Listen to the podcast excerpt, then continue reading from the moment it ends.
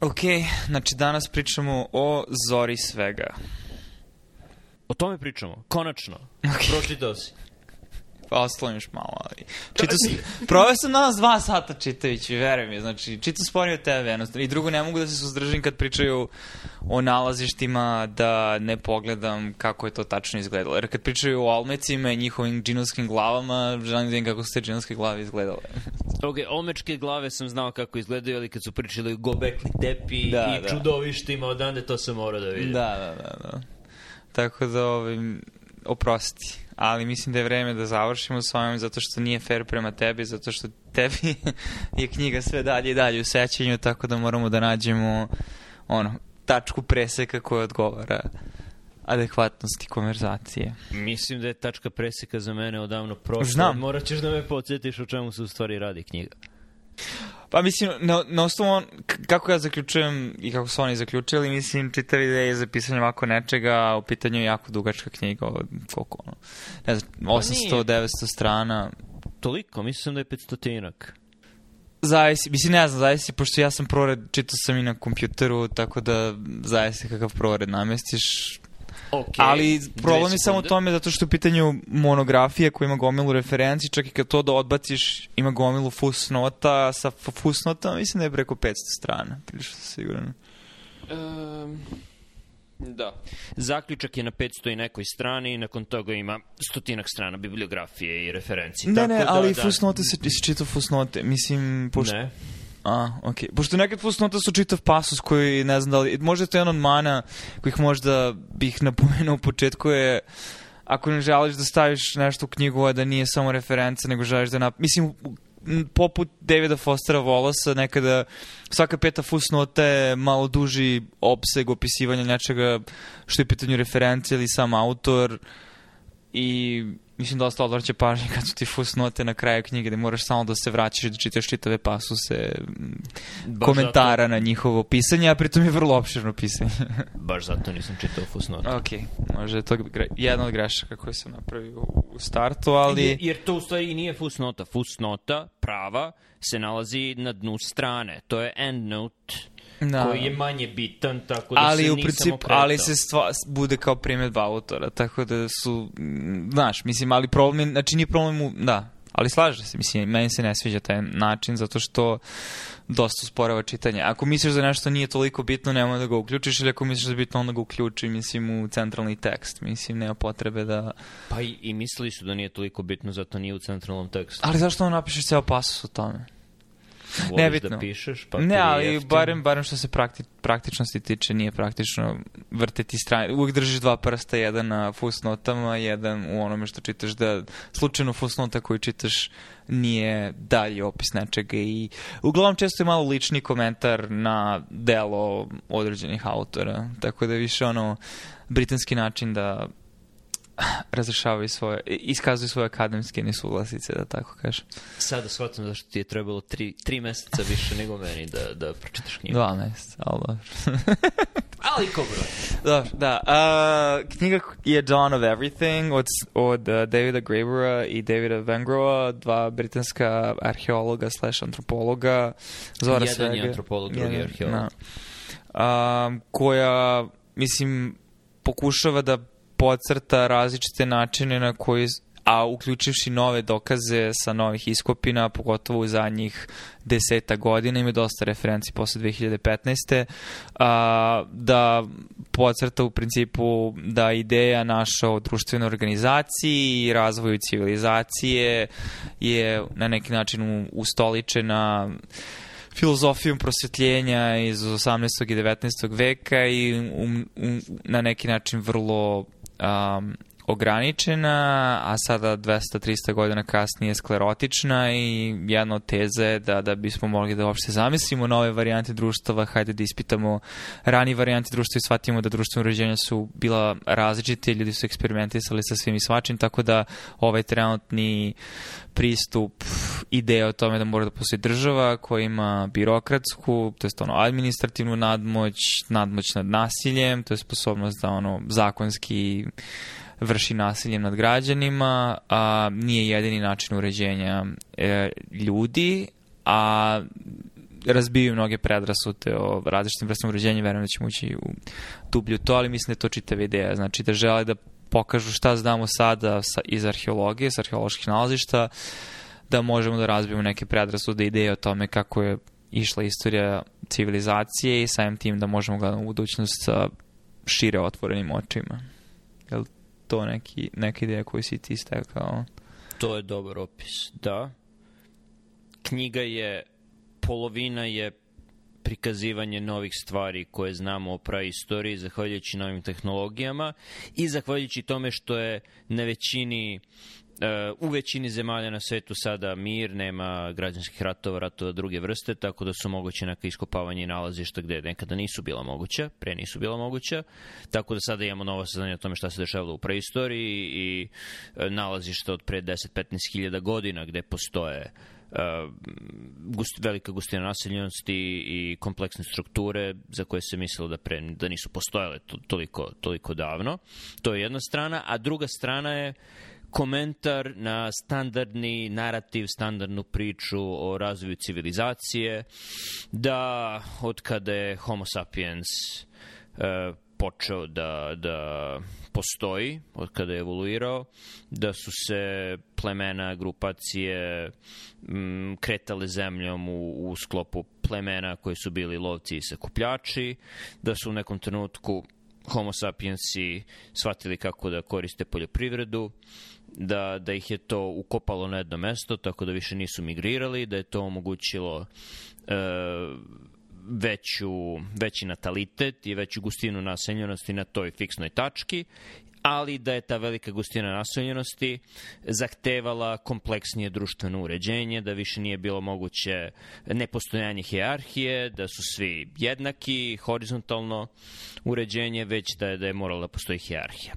I to je standardni narativ i postoji linearna progresija tehnološkog razvoja i kompleksnosti društvenih uređenja i da jedno uslovljava drugo ta nova preistorijska nalazišta pokazuju da su postojala e, da su postojala mesta sa velikom gustinom naseljenosti i pre nego što su ljudi došli do poljoprivrede i da je postojao jako dugačak period e, koji traje duže nego što postoji moderna civilizacija, moderni svet koji postoji koliko 5-6 hiljada godina da je taj prelazni period gde su ljudi malo radili poljoprivredu, pa su se vraćali na sakupljanje i lov, pa su se opet vraćali na poljoprivredu koja je bila ono oportuna, radiš to samo na mestima gde su privremene poplave i koristiš ta tu zemlju za poljoprivredu samo koliko uh, ono par meseci i onda nastaviš da da loviš i da sakupljaš da da je to trajalo duže nego što je ovaj moderni period uh, i da je i u tom periodu su postojale ne, su postojala kompleksna društvena uređenja koja nisu bila uslovljena tim da se ljudi bave poljoprivredom, već su i lovci i sakupljači imali neka kompleksna uređenja. Tako da su ljudi mnogo više eksperimentisali sa različitim modelima. Tako da knjiga pokušava da uradi te dve stvari, da prezentuje praistoriju i nova saznanja o praistoriji i to je onaj objektivni deo knjige. Uh, I drugi deo koji je otvoreno subjektivni, oni kažu, da, kažemo da ove priče koje su pričali Russo, nekada davno, a sada uh, Jared Diamond i Harari, i ostali, da, da one nisu tačne, ali mi ćemo sada da ispričamo neku svoju priču, ali otvoreno priznemo da je ovo hipoteza, ovo je pretpostavka, ne zna se, ali je, ako ništa drugo, približnija istine nego ono koju su Harari, Diamond, sada Russo nekada pričali. Da, uh, ok, mislim možemo da ulazimo u, u potencijalno individualni primjer i uh, možda njihov, kako ga barem doživljavaš, iako sad posle toliko vremena možeš na taj način da vidiš, zato što ipak sam ja čitao do danas, a ti do pre dva meseca, uh, skolastički doprinos. Mislim, na prvo mesto hoću kažem da je knjiga vrlo dobro potkovana, za razliku od mnogih non-fiction, um, uh, za razliku od mnoge non-fiction literature koja uh, u svakom poglavlju ima um, ono, 50 referenciji koje se direktno tiču radova koji su publikovani u domenu arheologije, antropologije, etnologije i tako dalje.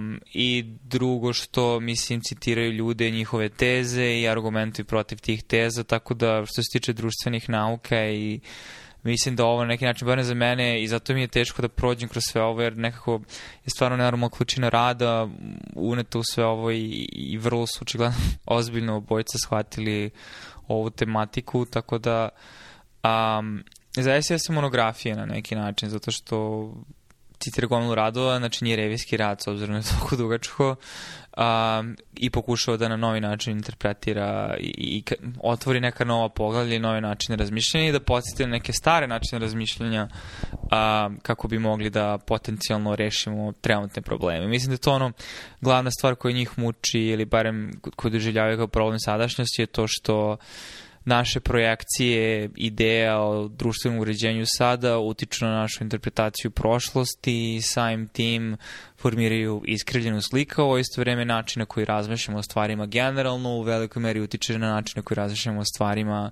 kada interpretiramo prošlosti. Mislim, arheologija kao takva je jako zanimljiva nauka, ali je vrlo problematično što ono što nađeš na nalazištu su uglavnom predmeti i stvari, onda ti moraš da ubaciš značenje u sve to i onda najlekše reći da je svako stvari bila ritualna. Recimo sad ću navesti neke primjera koji su mi bili jako zanimljivi, pogotovo što se tiču neke stvari koje smo mi učili on iz istorije ili šta već, a, znaš, ono, figurice žena sa širokim kukovima, ono, boginje plodnosti, ispostavlja su da bile mnogo češće nego što smo mi to mislili, nisu bile toliko redke, tako da vrlo vratno da su mogli bude verzije, da su mogli biti verzije barbika, pod znacima navoda, znači lutke kojima su se deca služila, ne bilo kakve fetišistička, ritualistička uh, figurina božanstva ili čega god. Um, tako da u tom smislu razbijenje nekih predrasuda na, ide, na, na temu onoga što nađemo i šta to zaista znači znači za nas, a onda u isto vreme, e, hoćeš da odgovoriš? Da. Kad, si, kad si to rekao, koliko se sećam, a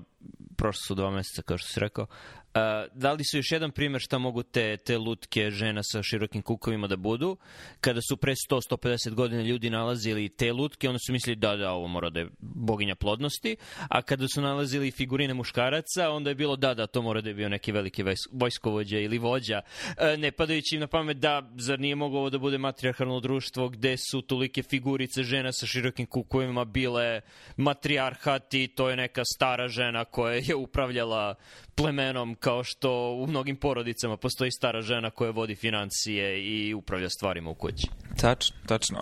Um, i, I jedna stvar je to isto koja možda uh, isplivava i svega toga je kritika uh, generalno, i mislim ovoga se ti dotakao u prethodnim epizodama, s obzirom da si bio uzbuđen da pričam na ovu temu, um, a ja nisam pročitao još uvijek, um, je kritika ideje linearne progresije istorije, i da su stvari kao takve bile neminovne i da samim tim svaka od stvari koju nađemo interpretiramo kao jednu stepenicu ili jedan stupanj u razvoju koji uh, krajnje vodi kao ovome gde smo mi sada. Jedan od tih problem, problema, jedan problema takve argumentacije je prvo što je netačna zato što u jednom trenutku si, mogu da ima, si imao mnogo različitih društvenih uređenja na više različitih prostora, čak i prostora bliski jednim drugim u smislu geografski koji nisu direktno zavisili od tehnološkog stupnja uopšte i u isto vreme mogu da imaš slična društvena uređenja koji su bila različitog tehnološkog stupnja u smislu ima se društvo u kamenom dobu ili bronzanom dobu koji su imala slično uređenja i nije,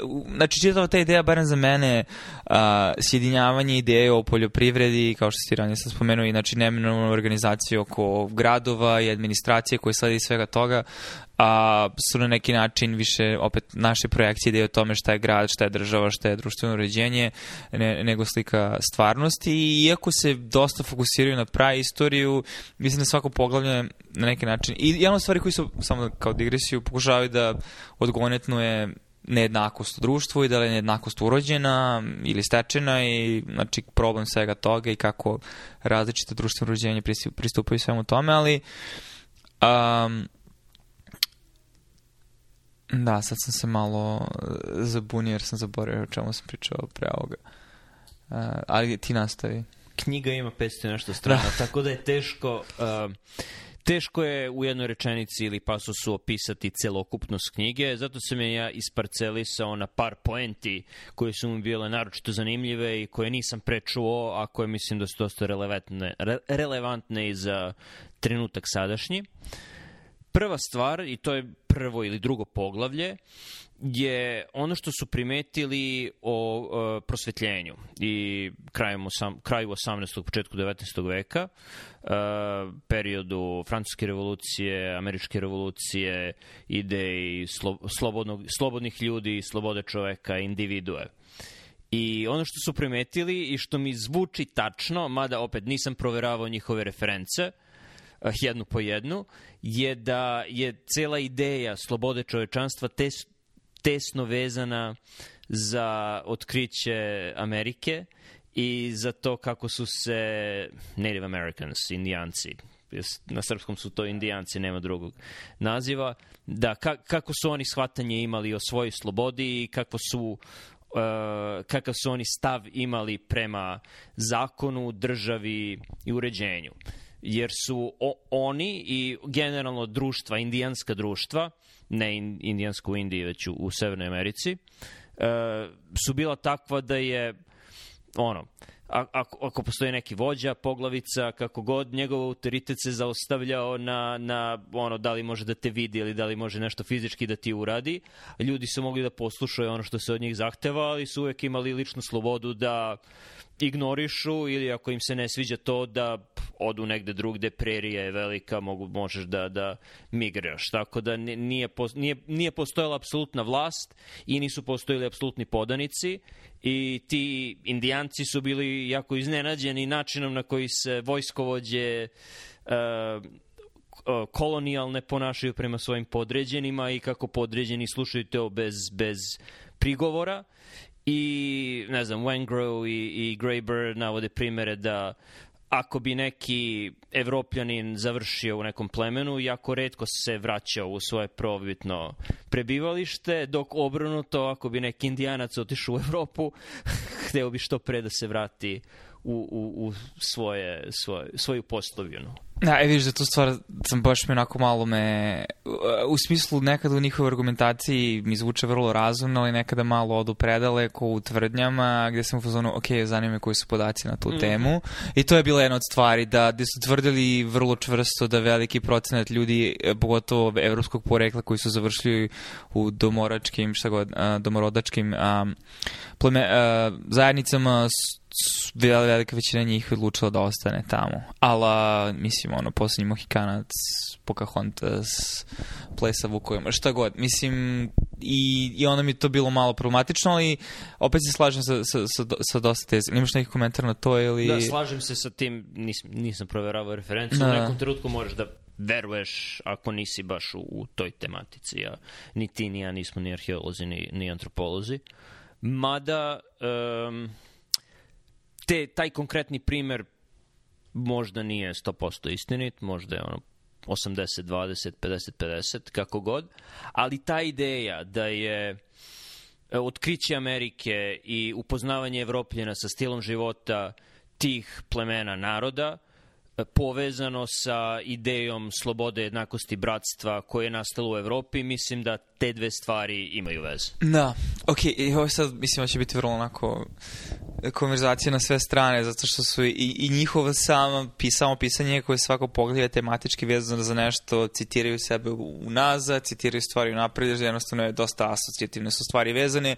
Jedna stvar koja je bila zanimljiva je tada um, ideja o formiranju znači, koje su dovale na kraju kroz Jean-Jacques Rousseau nekim tokom do francuske revolucije i u velikoj meri su isto vezane za susret uh, Evropljana sa novim svetom i njihovim idejama o slobodi koji su modifikovali način evropskog razmišljanja, to je jedan aspekt svega toga.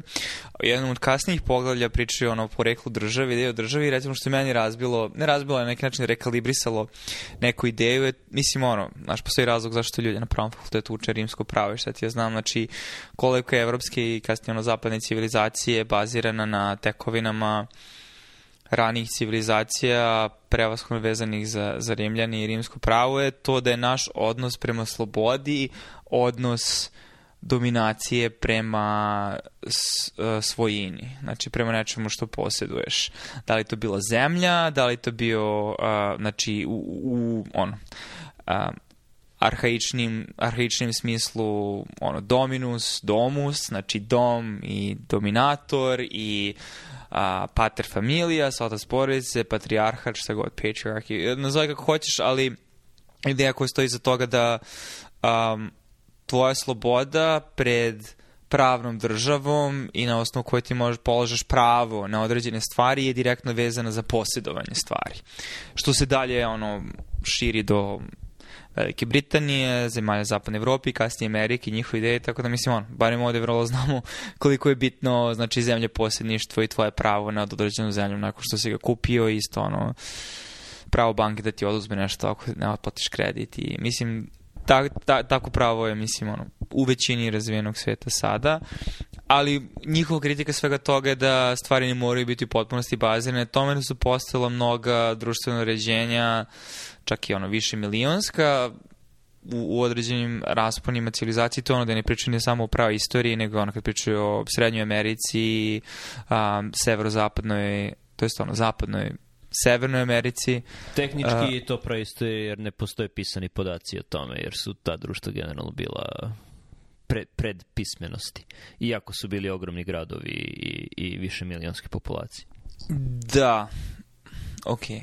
Mislim, to isto, ok, možda od prilika za meta komentar gde isto oni imaju problema sa definisanjem različitih stvari ili kroz definicije uh, o stvarima koje trenutno imamo i načinu koji trenutno razmišljamo kada definišeš nešto vezano za kulturu koja je dovoljno strana u, u vremenskom periodu koja je dovoljno daleko unazad, a, ulaziš u problem ili preteranog sužavanja gde je definicija preuska i neprimenljiva ili je definicija preširoka i samim tim neprimenljiva. Tako da, mislim, jedna kritika koja ni provlače je kritika šta znači država po znacima navoda, kao što su ono a, mislim Španci koji su dolazili u Srednju Ameriku projektovali svoje ideje u državi, državnosti na a, Maje, Azteke, Inke. A, tako u isto vreme i a, projekcija o idejama o a, bilo kakvim oblicima društvenog uređenja, tako da i sama ideja o praistoriji po znacima navode dosta da labilno zato što imaš one wompete ili kako se već zovu, znači one pisane šalove ili kako već one pojasi, bilo čak na epizodi podcasta koji ti voliš da pričaju o tome, da su to ili ne znam, kod Inka pričaju o čvorovima koji su oni koristili da bi brojali stvari, ali ok, razumem šta hoćeš da kažeš, ali isto vreme pričaju o Mesopotamiji gde je definitivno bilo pisma. Uh, ali da, Mahon se do, ima dosta fokusa na preistoriji, nove nalazišta, što u Ukrajini, što u Turskoj, što mi je bilo zanimljivo. Znači, da si imao, i to je možda isto, ajde, sad kad otkrivamo teme, mislim, jer to ima jedini smisao na koji možemo da diskutujemo, zašto je previše stvari u knjizi. Um, to da su praisto, društva koje su bila prevashodno nevezana za poljoprivredu, imala kompleksna društvena uređenja i broje stanovnika ono, u desetinama hiljada u okviru centara, ne može ih nazvati gradovi, potencijalno što definicija grada podrazumeva neke druge stvari, ali a, naselja ili naseobina a, koji su imali svoje kompleksne društvene uređenja, preraskovnost bile vezana za neki drugi izvor nečega. Znači, da li to bilo e, ribarenje, da li bilo skupljanje nečega i ono što isto bilo zanimljivo, a dotaći sad ovoga, onda ćete posidati i nastaviš i mislim da će ovo biti tema koju ćete zakačiti. Uh, je sezonalnost određenih društvenih uređenja gde si imao a, fleksibilnost u domenu društvenog uređenja gde u jednom periodu godine kada se izlovljava nešto imamo ovako društveno uređenje zato što nam neophodni su nam ratnici ili neophodni su nam znači ono administrativni ljudi, kralj ili ideja toga poglavice, ali onda kad smo u nekom drugom mirnijem dobu imamo drugo društveno uređenje da ti ciklus idu čak ono na godišnjem nivou. Znači imaš dva društvena uređenja u zavisnosti od sezone u toku godine. To je druga stvar koju bih primetio, sezonalnost. I ono što je zanimljivo je da ne postoji pravilo da sva društvena uređenja, ne znam, kada je zima i teški uslovi, onda ti treba stroga hijarhija, jer onda su, on, onda je bitno znati ko, ko ima kontrolu i bitno je slušati naređenja i onda je to svuda tako, a onda kada je leto, lakše, onda smo svi jednaki, tralala, e, lovimo, beremo bobice. Nije tako, jer Uh, ne mogu sad da se setim kako je beše, ali u ovim u severni pol i iznad, iznad polarnog kruga. Te, te, ti Inuiti. periodi... Hm? hm? Aha, okay. Da, u, u, u, oni su, na primjer, u periodima kada je, kada je zima i kada su teški uslovi, oni su bili hijarhijski jednaki, jer su tada nije bilo neke tačne hijarhije i nije bilo velikih grupacija, a obrnuto kada su bili bolji uslovi i leti kada se više lovilo, onda je bila stroga hijarhija, dok se na drugim krajevima Severne Amerike je bilo obrnuto. Tako da postoji sezonalnost, postoji stalna fluidna promena uređenja, ali ne postoje neka pravila u tome da kažeš da je jedno bolje u jednom trenutku, a drugo u drugom. Na, I ideja toga mislim da ono nešto što sada nazivamo državom i ustaljenim društvenim ulogom u okviru državne organizacije u određenim društvima su predstavljale gotovo, mislim oni to nazivaju teatar države ili šta god, znači gde su ulogi bile preuzimane kratkoročno i imale više neku simboličnu ulogu u mnogim društvima a, i da se nakon a, prestanka sezone te uloge prestajale, tako da osobe koji su uzuzimile ulogu potencijalnog tiranina su vrlo dobro morali da razmišljaju o tome kako će pristupati problema vezanim za ljude koji im po znacima navoda služe, zato što ono za šest meseci ćeš biti jednak sa tim ljudima, kao što si ti rekao. Tako da to formira nove sisteme postice koje mogu da utiču na to da um, na različite načine se ponašaš kada imaš funkciju od odgovornosti slash moći. Um, to je definitivno jedna od stvari koje meni isto bilo veliki utisak, ta sezonalnost stvari i kako može sad u ovom trenutku, a što meni pada na pamet, uh, znaš, da i dalje imaš isti pristup radne nedelje i broju sati, ideju produktivnosti. Mada u Evropi je to malo manje, čini mi se, zašto dosta ljudi uzima godišnje odmore sa razlogom u toku leta i godišnje odmore sa razlogom oko novogodišnjih praznika, u principu u periodu kada je dan najkraći, noć najduže i kada stvarno upitno je koliko zaista možeš bez kofeina ili bilo kakvih drugih stimulansa da izguraš da se ne osjećaš pospano i samo da želiš da jedeš u toku dana. Mislim, postoji razlog što je Sveti Nikola jedan najpopularnijih slava. Mislim. I zbog tog razloga sam generalno protiv e, stava firmi da a, nemamo fiksni broj dana koliko smeš da uzmeš za odmor, možeš da uzmeš kad god hoćeš, jer tada obično ljudi uopšte ne uzimaju odmor, a ako se zna da ćemo svi uzeti odmor sledeće dve nedelje i nikoga neće biti u firmi, kao što je pravilo u Evropi, naročito u Francuskoj, uh, E, to je onda mnogo bolje za generalni moral i znaš da ako si na odmoru, onda si na, na odmoru. I to je mala, ma, mali produžetak istorije sezonalnosti u ljudskim životima. Treća stvar koja mi je bila zanimljiva, a ima veze sa sezonalnošću, je značaj igre i igranja i pretvaranja za ljude. Uh, jedna stvar koja je sezonska, koja i sada sezonska su praznici, festivali, fešte. Nekada su oni bili mnogo ozbiljni. Vašar. Vašari, hvala. Uh, Mardi Gras i ostalo.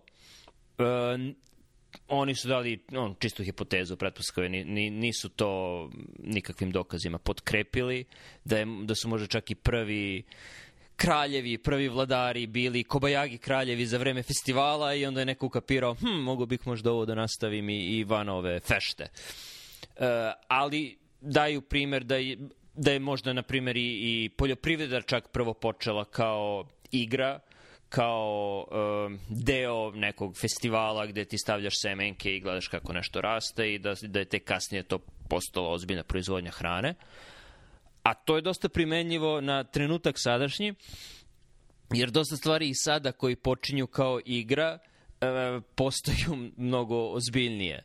E, ono što mi je palo na pamet dok sam čitao e, Dawn of Everything je, su video igrice i hardware koji je nekada davno pravljen isključivo za igrice, pre svega grafičke kartice i tehnologija shadera i masovno paralelnih procesa. Uh, čije, čije je glavna svrha bila da proizvede što realniju 3D grafiku za tvoju ono, first person pucačinu ili šta god, a koje se sada koristi za uh, iskopavanje kriptovaluta i ostale kompjuterski intenzivne procese.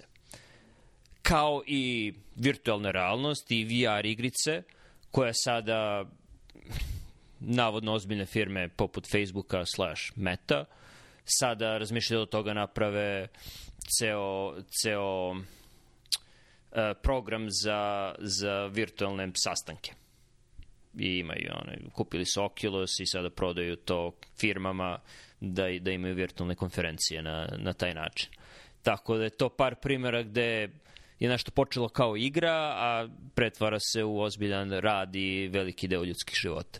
Da, mislim, dosta, dosta primjera navode u smislu ono, nekih vrsta tekovina koje sad uzimamo zdravo za gotovo ili kao finalni proizvode da su bili rezultat e, ono, ra, način razmišljanja po znacima navoda igranja, poljoprivrede isto jedna od stvari koje, koje se dotiču, koje se ti malo dotakao, to je da sam, sama poljoprivreda, pogotovo u područjima u kojima je počela, znači Mesopotamija, što god Nil, uh, gde su postala redovna područja koja su bila plavljena, tako da ti nisi morao da se mnogo baviš organizovanim sistemima irigacije, da je počelo više kao eksperimentisanje i da su uglavnom ono što pocrtavaju bitnost znači žene u istoriji razvoja civilizacije gde su uglavnom žene koje su bile vezanije za domaćinstvo u okviru tih mešanih zajednica koje su bile uglavnom uh, lovačko-sakupljaške koji su eksperimentisale u određenim periodima sa zasađivanjem i uzimanjem znači, nekog prinosa, da na kraju u određenim regionima se to nije ustalilo. Još jedna stvar koja mi je bila zanimljiva u stvari da ta, da razbijanje te predrasu tome da je država morala da nastane kao administrativni aparat usled neolitske ono, poljoprivredne revolucije gde si morao da pobrojiš sva zrna žita, šta god ono, ljudi, i postala je podela rada koja se razvila kroz sve to je to da u stvari uh, ideja da je država nastala kao nešto što je bila i ovo je dodatna ideja koju mi lako zanimljiva o šizmogenezi.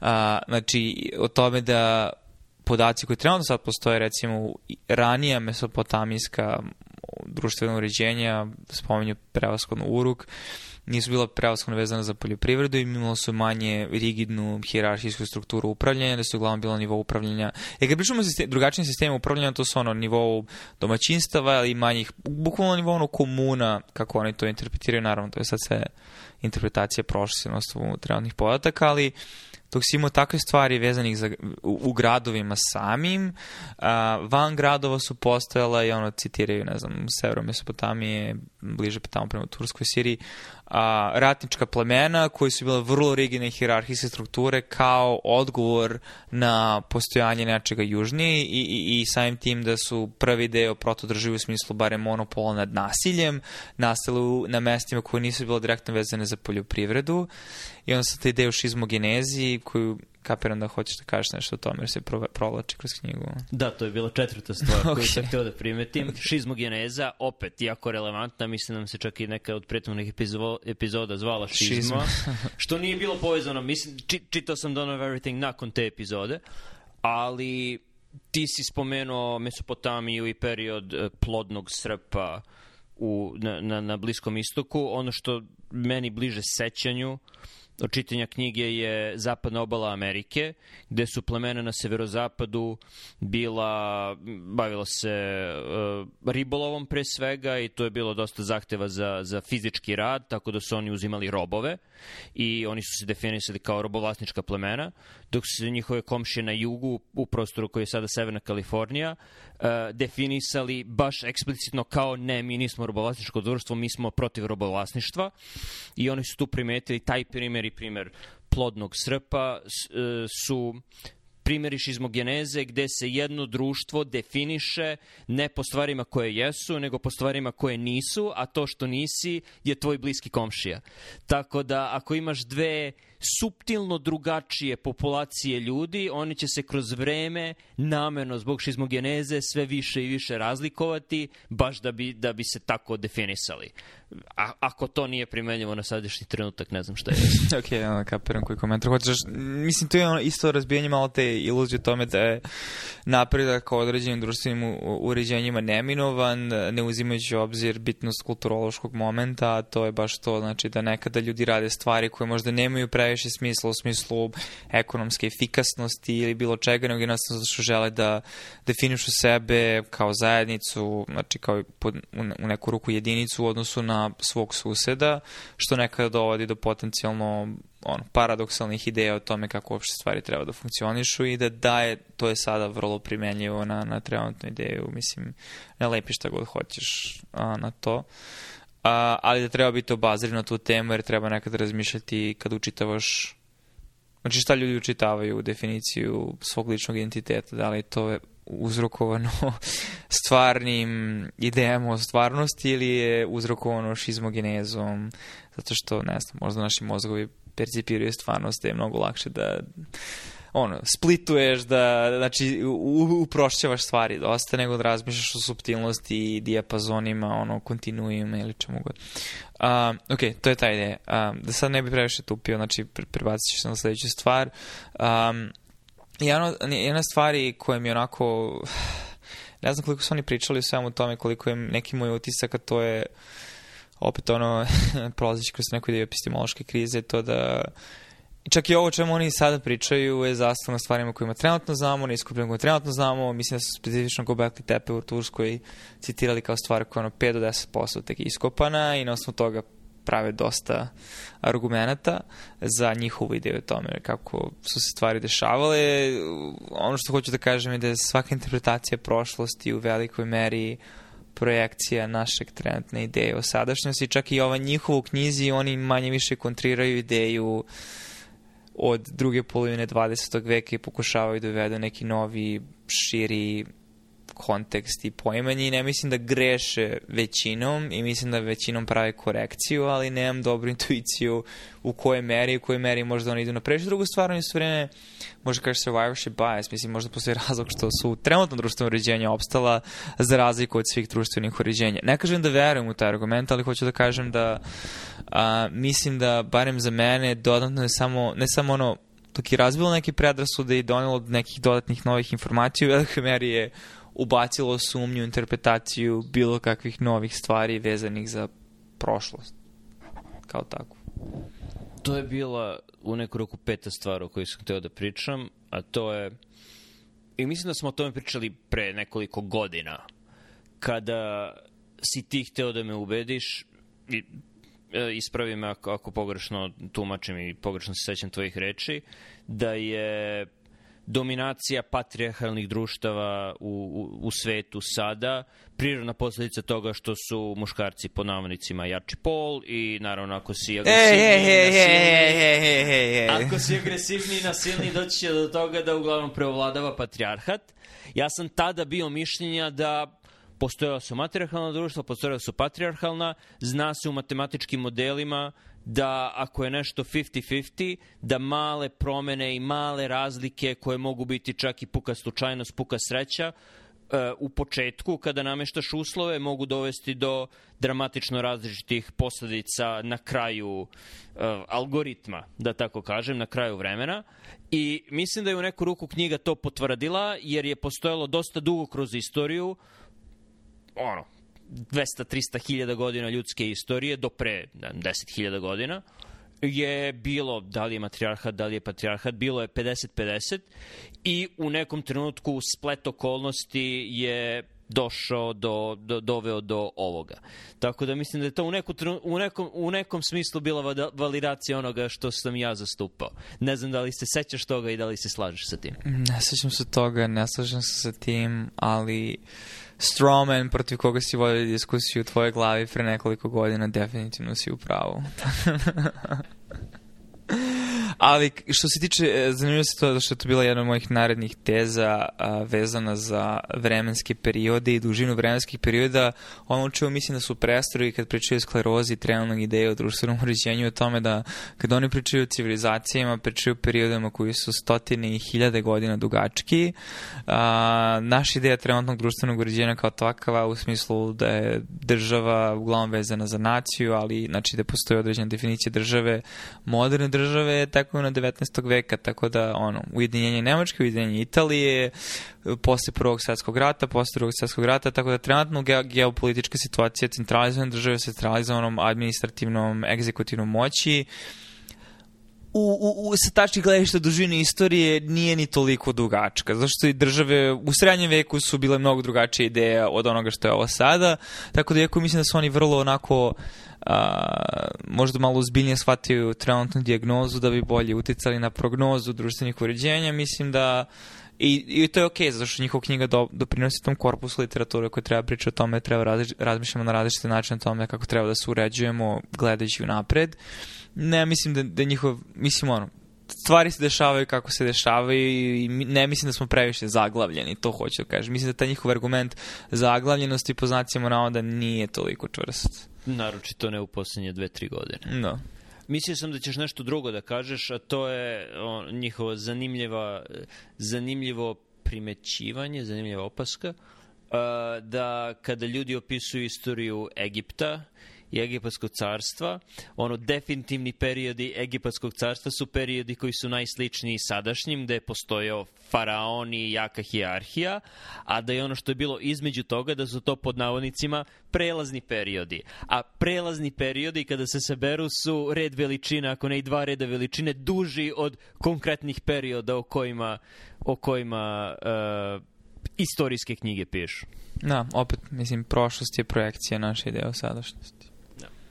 Ok, poslednja teza, ovo mora da kažem. Ne možeš da čitaš ovu knjigu, a da ne znaš bar jednu stvar o autorima ili o jednom konkretnom autoru, a to je David Wengrow, koji je e, preminuo pre, umro je pre godinu dana, čini mi se, on je, on je antropolog, ne, Wengrow je arheolog i on je još uvek živ, Graeber je antropolog i umro je pre godinu dana. Uh, Graeber je dokumentovani anarhista i zalaže se za anarhiju. On je bio jedan od, ne može da se kaže vođa, jer pokret nema vođu, anarhistički pokret po definiciji nema vođu, ali bio je jedan od učesnika Occupy Wall Street protesta koji je bio kad je pred deset i nešto godina i dosta je pisao o anarhiji, zalaže se za anarhiju. I recenzije ove knjige koje sam čitao uh, sve do jedne su sa time počinjale i čitale se ovu knjigu kroz tu prizmu da je ovo knjiga koja se zalaže za anarhiju. Što je meni jako čudno, jer kad ne bi to znao o njemu, ne bi mogo da pretpostaviš da je to slučaj. Mislim da je ne, možda u prvim poglavljima sam imao veći utisak po, po pitanju toga kad su na, načine koji su kritikovali Hobbesa i Rousseau, gde uh, mi je delovalo da su u neku meru možda idealizovala neka društvena uređenja u odnosu na naša, mada posle nekako se opravduju kasnije, gde daju dosta primjera i ograde se dosta i mislim da na kraju ono što provejava je više ideja o tome da treba biti fleksibilan i, i otvoren po pitanju uređenja. Um, ali opet to isto problem kada ne poznaješ samu literaturu direktno, ne znaš da li su njihova ranija poređenja, to je radnje argumentacije bili više samo odgovor na ustaljenu dogmu trenutnih stvari u arheologiji, tako da po znacima navoda s razlogom su malo više ekstremno nego što bi trebalo da budu, jer biti umeren i po po, a, u argumentaciji kad pokušaš da negiraš nešto da funkcioniše kao dobra alatka da bi pomerio konverzaciju ka napred, ali dobro, nakon čitanja ove knjige da li si ti bliži ka tome da, da te, društvene određenja treba da budu manje kao što su sada i, i više anarhistička, šta god to značilo? Uh, ne bih rekao da bi trebalo da budu više Više decentralizovana? Ah, mislim da treba više razmišljati o društvenim uređenjima koje su primerenija um, koje su primerenija sadašnjim komunikacionim sposobnostima čovečanstva. Naročito mislim na Ameriku, koja još uvek ima elektorski sistem i kongres koji predstavlja Ameriku kakva je bila pre 250 godina tu definitivno su potrebne neke promene i mislim da ne postoji osoba u Americi koja se ne bi sa tim složila. Tako, to, toliko je očigledno. Osim ljudi koji učestvuju u izborima. Mislim da čak ni oni. Ne, to, čak ni oni mm, teško mi je da zamislim da bi bilo ko rekao da trenutni američki sistem uređenja i politički sistem je funkcionalan. Uh, mislim, osim, osim predsednika koji mora to da kaže. To je, to je. Ali čak i kongresmeni i senatori sumnjam da bi se složili da, da stvari funkcionišu kako treba. Ali postoji razlog zašto za predsednike biramo sada ljude koji su u Americi barem stariji od 70 godina i zašto će se taj trend nastaviti. Pa dobro, ne biramo ih ti i ja. Biraju ih Amerikanci.